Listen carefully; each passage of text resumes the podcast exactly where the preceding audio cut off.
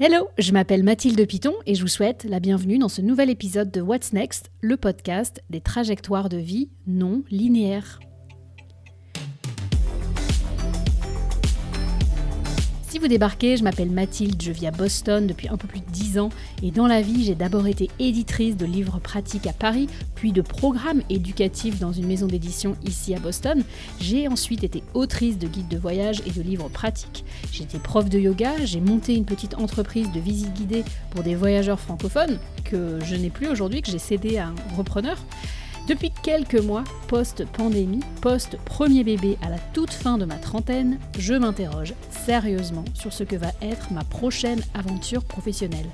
Je raconte ces tribulations professionnelles et existentielles toutes les semaines dans un récit qui s'intitule What's Next, le journal de bord de cette quête avec ses hauts et ses bas et toutes les questions connexes qui s'y rattachent. Ce récit est à lire sur Substack dans un abonnement payant pour seulement 6 dollars ou 6 euros par mois. Je vous attends là-bas. Dans ce podcast, j'interviewe des gens qui ont un lien avec le récit que je publie et qui me racontent leur propre trajectoire de vie professionnelle. Pour la plupart, ces personnes ont une trajectoire de vie non linéaire, mais c'est pas le cas de mon invité aujourd'hui, Johan Miralles. Cette semaine, dans ma newsletter What's Next, je raconte pourquoi et comment j'ai dit non à un célèbre éditeur français l'été dernier, lors d'une proposition qui m'a d'abord semblé euh, alléchante, mais que j'ai fini par refuser. Et cette semaine, je reçois dans le podcast une éditrice, Joanne. Alors, c'est pas celle à qui j'ai dit non. Joanne, en fait, est une ancienne camarade de classe de mes années d'édition à Paris. Et ensemble, on va parler de ce formidable métier d'éditrice. Euh, je me suis laissée porter, en fait, par, par ce plaisir de, de parler du livre. Et puis on a aussi parlé d'ambition. Allez, c'est parti.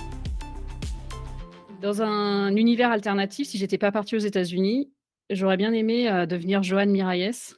Joanne et moi, on a fait euh, le même master en édition à Paris euh, en même temps, sauf qu'on n'a pas tout à fait fait les mêmes choix. Et aujourd'hui, elle travaille toujours dans l'édition à Paris. Et je voulais lui demander si c'était cool d'être elle, professionnellement parlant, du moins. Salut Joanne. Coucou. Coucou Mathilde, ça va? Ça va bien. comment tu réponds à la question qu'est-ce que tu fais dans la vie? Généralement, je, réponds très simplement je suis éditrice. Ça, fait rêver, mais c'est très court et ça répond facilement à la question. Mais les gens, ils savent nécessairement ce que c'est qu'être éditrice. Comment tu, expliquerais simplement ce, job? Alors, j'explique par des exemples de livres. Je leur dis, bah, généralement, quand je, parle avec une femme qui a des enfants, je dis, bah, tu vois, le grand livre de ma grossesse, par exemple, je ne sais pas si tu le connais, mais voilà, je l'édite chaque année. Et puis, je cite des livres. Donc, ça peut être des, ouvrages de santé, de bien-être, d'alimentation, de développement personnel. je lui demande si elle connaît Ta deuxième vie commence quand tu comprends que tu n'en as qu'une, de Raphaël Giordano. Et donc, du coup, je leur dis, mais ça, ça vient de chez Erol. voilà. Donc, généralement, je leur explique que ouais, je fais des livres pratiques pour tout le monde. Tu es quand même assez modeste parce que tu es éditrice, mais en vrai, ton titre, c'est directrice éditoriale. Ouais, mais ça, c'est du jargon. les, titres, les titres d'une maison à l'autre, ils changent. j'ai été responsable d'édition ou assistante et parfois on a, on a le titre d'assistante, mais en fait on fait tout, on cherche même des projets. Parfois il y a des gens qui se disent directeur alors qu'ils rencontrent jamais d'auteur. Donc voilà, pour moi, éditrice, c'est le, c'est le titre, j'ai envie de dire générique pour dire que je, fais des livres. Voilà, après, euh, effectivement, euh, j'ai le titre de directrice parce que je manage aussi des éditeurs euh, et une belle équipe aujourd'hui, mais c'est du jargon, ça. Est-ce que tu te sens, est-ce que c'est un, rôle dans lequel tu te sens super à l'aise? Est-ce que c'était quelque chose que tu voulais faire? Alors, je ne l'ai pas voulu depuis toute petite parce que je ne pense pas que quand on a 5 ans, on se dit je, vais, je vais devenir éditrice. Enfin, Ce n'est pas un métier que j'avais dans ma famille ou dans mes proches. C'était plutôt.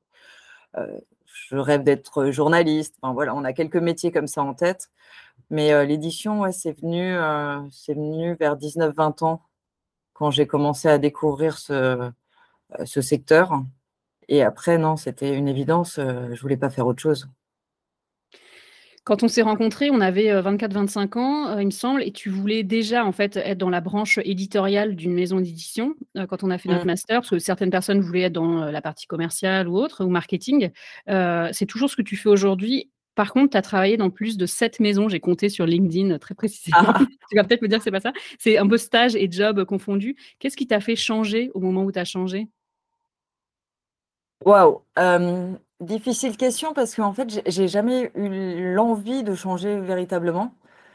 À chaque fois, c'est, une opportunité que j'ai saisie, mais j'ai rarement répondu à des annonces, en fait. la enfin, la première bien sûr, parce que j'avais fait, un stage de fin d'études, chez le Duc, une toute petite maison à l'époque qui était indépendante à l'époque. C'est plus le cas aujourd'hui, et à partir de là, en fait, tout s'est un peu enchaîné. Donc, je n'ai jamais vraiment calculé le fait de changer.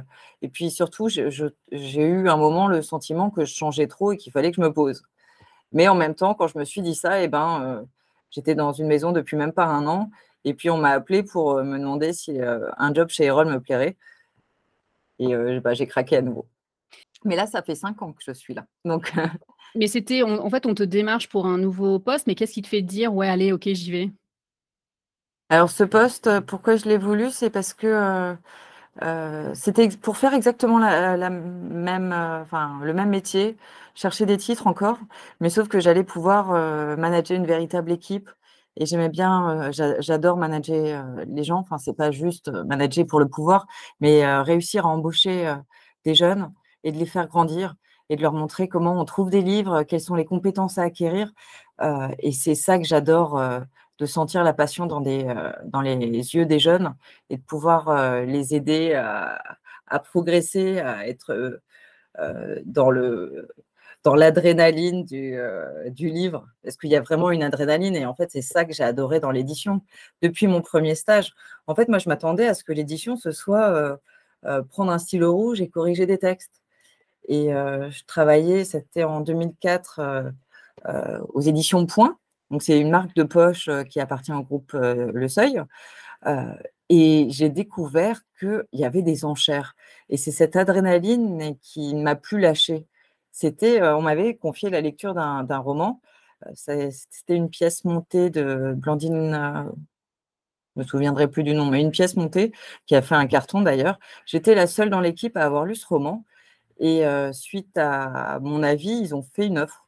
Et puis, il y a eu des enchères et c'est monté extrêmement haut. Et à chaque enchère, on me demandait, mais t'es sûr, Joanne, que ce texte, il est vachement bien et tout? Moi, je disais, oui, oui, mais quand on arrive à 15-20 000 dans les enchères, eh, on n'est plus sûr de son choix. Et c'est ce côté-là qui était extrêmement palpitant dans, ces, dans ces offres. Et du coup, je me suis dit, mais en fait, l'édition, c'est pas juste de la correction de texte, c'est bien au-delà. C'est c'est des enchères, c'est de l'adrénaline, c'est le fait de croire en des projets et puis de tout faire pour que ça marche. Et puis ensuite, voir les ventes tomber chaque semaine et se demander si, si c'est cool ou pas cool, voir si on réimprime. Donc il y a plein de choses extrêmement stressantes, mais dans le bon sens du terme. Et c'est comme une drogue, en fait, l'édition. En plus, on fait beaucoup de livres chaque année, donc à chaque projet, on a sa dose de drogue. C'est vraiment ça. Avant de, continuer sur ce thème de l'adrénaline, je, tiens quand même à remarquer que tu as parlé des jeunes. Donc, euh, en fait, nous avons bientôt, moi, je vais bientôt avoir 40 ans. Je crois que tu as déjà 40 ans. Donc, en fait, on parle comme ça des jeunes. Non, tu n'as pas encore 40 ans? Euh, dans quelques mois. dans quelques mois. Euh, oui, donc on parle des jeunes de 25 ans comme des jeunes, puisqu'ils sont plus jeunes que nous. J'aime bien comment tu en parles de dire ça, de cette, de cette adrénaline. C'est vrai que c'est quelque chose qui est. moi, je trouvais à l'époque, quand j'étais éditrice, que c'était vraiment un métier qui était très varié. Moi, ce qui me plaisait le plus, c'était la collaboration avec, avec les autres métiers, avec les photographes, avec les stylistes avec même, des même des correcteurs et des correctrices quand j'étais chez Larousse, c'était une partie très importante. C'était des gens qui savaient, savaient beaucoup de choses. comment est-ce qu'aujourd'hui tu, sens qu'un titre est un bon titre? C'est peut-être une question trop générale. Non, mais parce que je me la pose, j'ai envie de dire tous les matins. Donc je trouve que c'est une très très bonne question, même si j'ai pas encore trouvé la réponse. Qu'est-ce qui fait qu'un titre va être bon? Alors, c'est un mélange, c'est un peu comme une véritable recette de cuisine, sauf qu'on n'est pas sûr du résultat final. Il faut goûter pour, pour vérifier que la recette était bonne. Mais généralement, il va falloir de, bons ingrédients. Donc, est-ce que le sujet est porteur? Et ça, c'est la connaissance du marché qui va nous le dire. Est-ce que l'auteur a du potentiel? Et, ça, on peut, voir. Mais la question principale, c'est est-ce qu'il est légitime? Pour publier le livre qu'il veut faire. Donc, typiquement, monsieur et madame tout le monde qui écrit un livre sur le diabète, ça ne va pas le faire.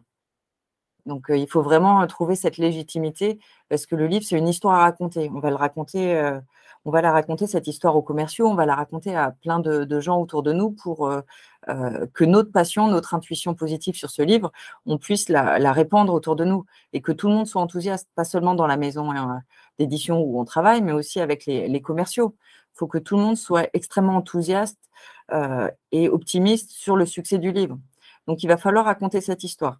Donc, si le marché me laisse entendre qu'il y a un super bon sujet et que c'est tendance et que le sujet va, peut se vendre, en tout cas, parce qu'il y a tel et tel titre euh, à droite, à gauche qui, sorti, qui sont sortis euh, ces derniers mois et qui fonctionnent bien, euh, s'il y a une histoire à raconter parce que l'auteur, bah, il n'a pas écrit ce livre par hasard, mais il l'a vraiment écrit parce que c'est sa passion et il est extrêmement pointu sur le sujet, il est compétent et il va pouvoir le vendre correctement dans les médias. Euh, et si en plus on a une super bonne intuition euh, sur le, projet lui-même, euh, et parfois l'intuition, j'ai envie de dire, ça fait 80% de notre décision, et bien là, normalement, ça doit bien se passer. mais là où j'ai une mauvaise intuition, généralement, je ne fais pas de livre, même si tout le reste a l'air bon. Et une mauvaise intuition, c'est souvent une relation un peu particulière que j'ai vis-à-vis de l'auteur. Je ne suis pas sûre que l'entente va bien se passer. Euh, c'est euh, difficile à expliquer parce que c'est... Euh, en tout cas, je, suis persuadée que tous les livres qui ont bien fonctionné, ça a été fluide du début à la fin. On peut avoir des petites négociations sur le contrat, sur la couverture, sur le titre, il n'y a pas de souci. Mais tant qu'il y a de la bienveillance, l'envie de part et d'autre de faire un livre qui est bon et qui va se vendre, généralement, tout est fluide, si on a la même ambition. En revanche, si on voit que l'auteur, euh, son but, c'est pas de vendre des livres, mais c'est juste d'avoir une sorte de CV euh, pour montrer que c'est le, meilleur dans son domaine il veut juste le livre euh, pour expliquer à la terre entière que c'est le meilleur et qu'il connaît tout, ça va pas le faire parce qu'on va pas avoir la même motivation derrière. Il va pas forcément vouloir un titre pour le grand public il y, a des choses qui vont euh, vont pas passer. Donc, si au premier rendez-vous j'ai un mauvais pressentiment euh, sur l'entente, et euh, eh ben je, généralement j'y vais pas. Ça ne veut pas dire qu'on est obligé de se faire la bise, se tutoyer direct, hein, mais il faut, faut qu'il y ait une entente cordiale, amicale, peu importe comment on la décrit, mais il faut qu'elle soit là. J'adore ce que tu dis parce que je trouve ça hyper intéressant parce que moi j'ai eu une fois une très mauvaise intuition avec quelqu'un. Alors moi je suis passée de l'autre côté parce qu'en fait en déménageant aux États-Unis j'ai un petit peu travaillé dans une maison d'édition ici, mais ensuite je suis vite devenue autrice. On en, reparlera peut-être après. et en fait une fois j'ai eu un, très mauvais feeling avec avec quelqu'un qui était du côté éditeur et en fait notre collab j'ai quand même dit oui et en fait, ça s'est super mal passé du, début à la fin. C'était pas pour l'édition, c'était pour la presse. Et je me dis, c'est quelque chose où j'ai pas écouté ce truc de me dire, non, en fait, ça, ça colle pas entre nous. Quoi.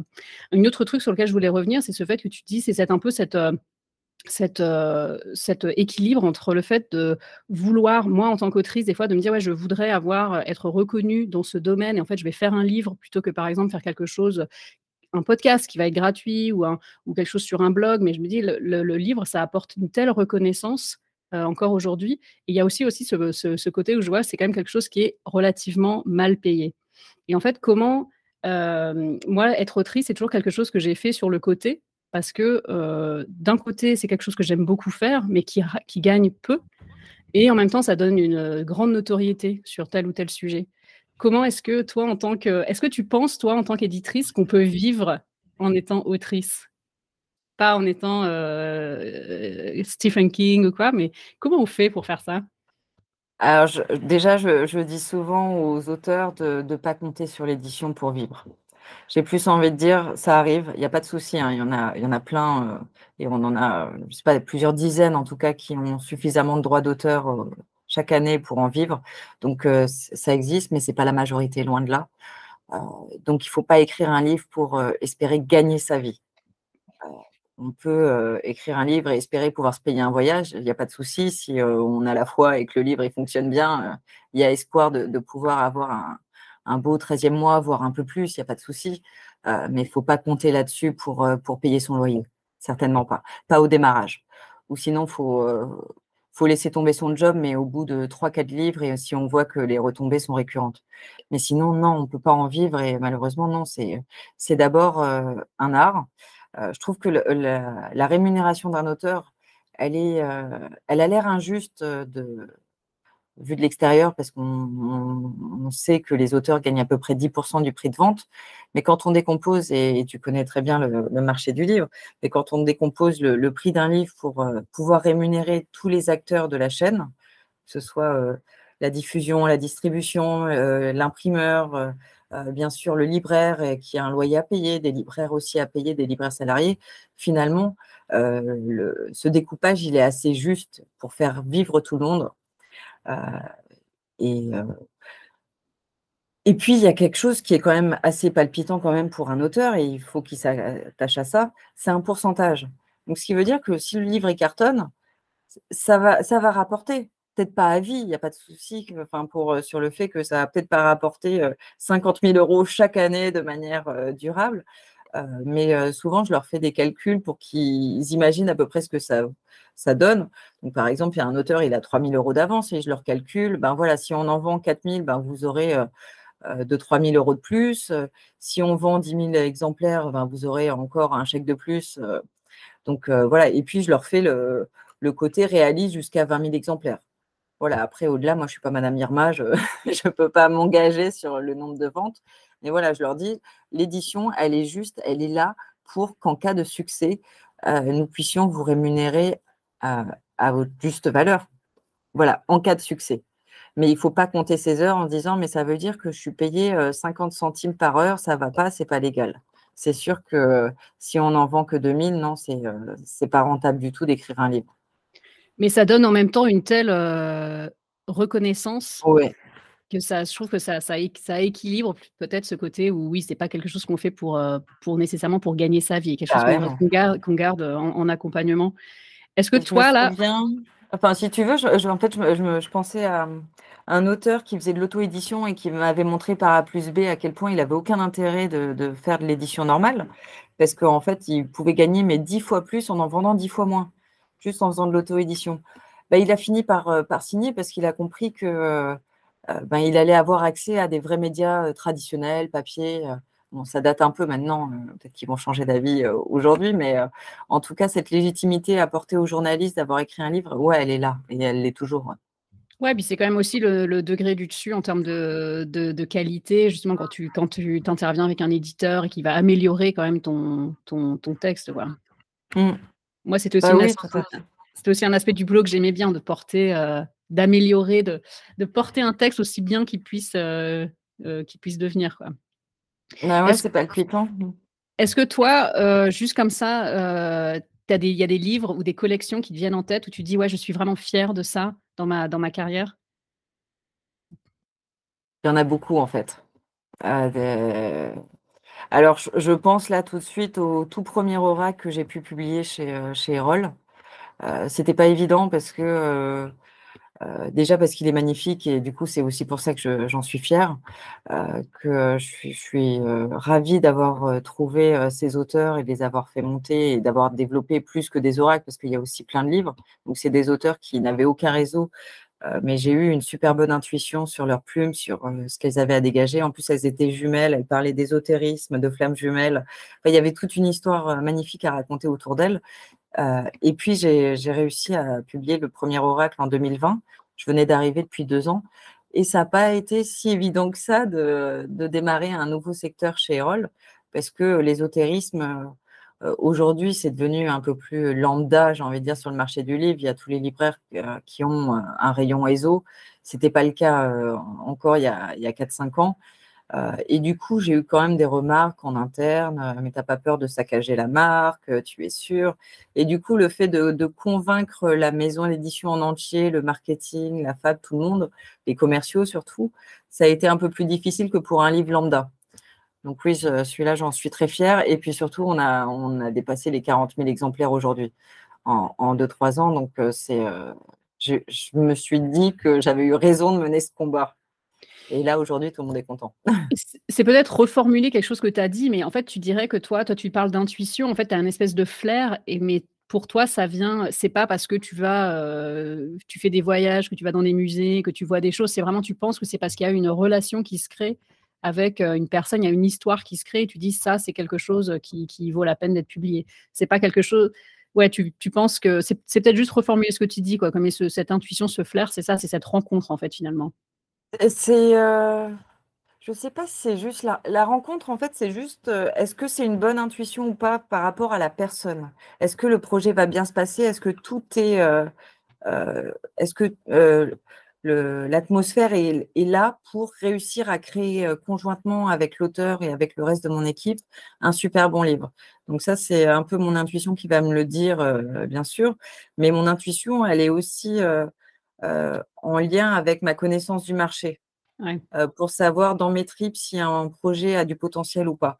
Et là où ça va contrebalancer, heu, ma connaissance du marché, c'est typiquement, on avait reçu un projet, de témoignage sur le cancer, cancer du sein et mon mon mon côté très, cartésien me dit: «Non, mais il faut pas faire de livre sur le cancer, ça se vend pas.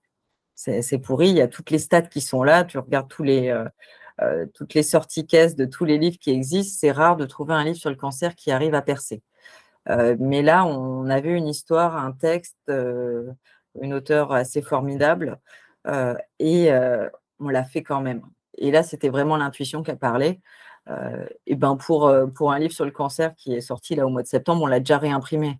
Donc heu, franchement, c'était, heu, bah, c'est l'intuition qui peut, heu, être là en support des connaissances du marché ou l'un plus que l'autre, mais ça va, ensemble. Parce que parfois tous les arguments sont là et on a une mauvaise intuition, justement parce qu'on se dit: «Ben, en fait, c'est peut-être celui de trop qu'il faut pas faire». Et parfois, tous les éléments sont là pour nous dire: «Il faut surtout pas le faire», mais notre intuition est là pour dire: «On n'est jamais à l'abri d'un best-seller», parce qu'on y croit.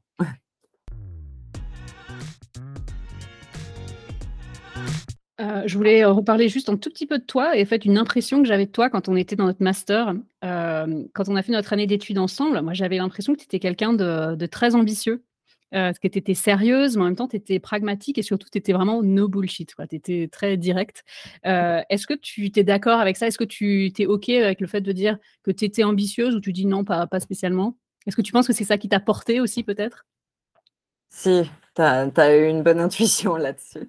Heu, j'étais extrêmement ambitieuse, heu et je le suis restée.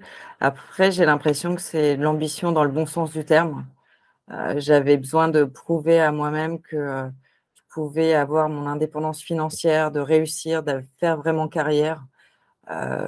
Je voulais un peu me défaire d'un pas d'un schéma familial, mais plus de, de croyances comme quoi, les hommes pouvaient faire carrière et les femmes avaient juste besoin d'être heureuses dans leur job. Et je me souviens très bien que mon père, quand on était jeunes, qui a aimé mon frère et moi de manière tout à fait, heu, impartiale, heu, mon frère avait juste 2-3 ans de plus et il était brillant à l'école. Mais j'ai envie de dire, moi aussi, j'étais brillante au lycée. Et heu, mon père l'a beaucoup poussé, pour qu'il fasse de bonnes études et mon frère a fini par faire Polytechnique. Il est ingénieur aujourd'hui et moi, je me souviens pas d'avoir été poussée sur ma vie professionnelle. D'ailleurs, mon père m'a toujours dit, heu: «C'est bien Sciences Po, le droit, heu, tu aimes bien écrire, heu, tu devrais faire quelque chose qui te plaît. Ah, des études d'histoire, oh, c'est pas mal aussi». Donc voilà, j'avais l'impression que mon père, il avait pas la même ambition pour moi et je me suis dit: «Non, mais je veux me défaire de tout ça. Moi, je veux réussir». Heu, je veux un véritable salaire qui puisse me permettre de payer un loyer, même si je suis célibataire, de pas compter sur un mari, de de vraiment réussir ma vie et de pouvoir dépendre que de moi. Et c'est ça qui m'a poussée, je pense déjà à réussir. Et puis oui, tu as raison, déjà quand on était, heu, à l'ESCP, enfin j'avais, heu, une soif de réussir et je voulais surtout pas rentrer dans un gros groupe Hachette, Editis pour, heu, n'en citer que 2 et de démarrer comme assistante d'édition et de me voir rester à cette place pendant 5 ans, 6 ans, 10 ans et peut-être, bah, parvenir à être éditrice et pourquoi pas à 45 ans responsable d'édition.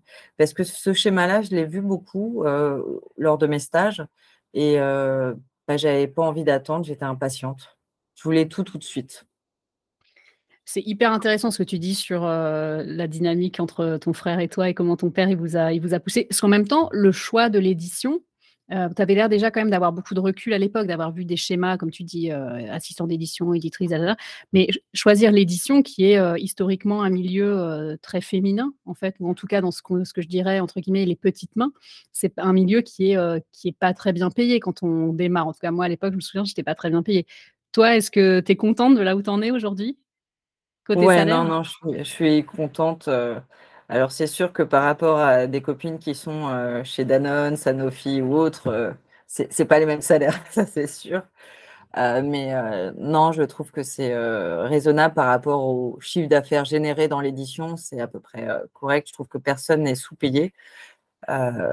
grosso modo, hein. c'est sûr que les libraires, ils gagnent pas beaucoup et c'est peut-être dommage là parce que c'est vraiment euh, euh, un métier assez proche d'une autre et ça je trouve ça dommageable qu'ils soient aussi peu payés, qu'ils soient en fait ils ont des salaires euh, quasiment au SMIC alors qu'ils font quasiment les mêmes études que nous. Donc ça je trouve ça dommageable mais je trouve que dans l'édition on peut y arriver à avoir un salaire à peu près correct. C'est sûr que c'est pas le salaire d'embauche mais en fait j'avais aucune idée de moi des salaires quand j'ai démarré dans l'édition. Et d'ailleurs, je me souviens qu'à l'ESCP, je regardais les, euh, formulaires ou sur les blogs, il y avait des, euh, des stats en disant voilà le salaire moyen à la sortie de notre école. Mais c'était l'ESCP en général, hein, ce n'était pas les salaires moyens dans mmh l'édition. Et j'avais en tête ce 30, 32 000 euros brut. Je me suis dit, bah, c'est ça que je vais demander. Alors qu'effectivement, c'est souvent un peu plus bas dans l'édition au démarrage, mais j'en avais aucune idée.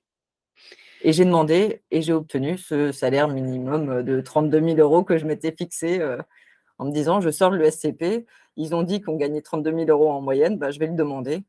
Et quand mon patron euh, a dit oui, bah, du coup, j'ai signé le contrat. Bah, génial. Il suffit parfois de demander. C'est génial. Est-ce que euh, tu as un objectif professionnel à 5 ans ou à 10 ans? C'est peut-être beaucoup 10 ans, mais alors, euh, déjà, à l'aube de mes 40 ans, je me suis dit que j'arrête là sur les enfants. J'en ai deux, ça suffit. Voilà, c'est déjà un objectif en soi, de savoir où je vais à ce niveau-là. Professionnellement, je pense que je suis encore euh, déjà assez bien euh, dans cette maison édition et j'ai encore beaucoup de choses à, construire. Et j'ai des beaux projets là pour les, années à venir. Donc, je pense que les, les 3 à 5 ans, je serai encore ici. par exemple, là, je me lance sur un nouveau secteur, c'est la jeunesse. Euh, voilà, c'est quelque chose qu'on n'a pas encore euh, chez Erol. Euh, et ça fait partie des, projets que je voudrais développer, voir un peu comment on peut tester de nouvelles choses tout le temps, pour ne jamais s'ennuyer. et puis, comme je te disais, je crois que j'ai déjà sorti cette phrase, on n'est jamais à l'abri d'un succès. Si ça marche, on va développer ce secteur à fond. Et puis, si ça ne marche pas, on trouvera d'autres idées. on verra bien. Je vais euh, terminer cet entretien avec ma, la question que je, avec laquelle je termine euh, habituellement. Tu voulais faire quoi quand tu étais petite? Je crois que tu as un peu répondu tout à l'heure. Journaliste. C'était ça, tu penses? Poète. petite, euh, non, je sais pas.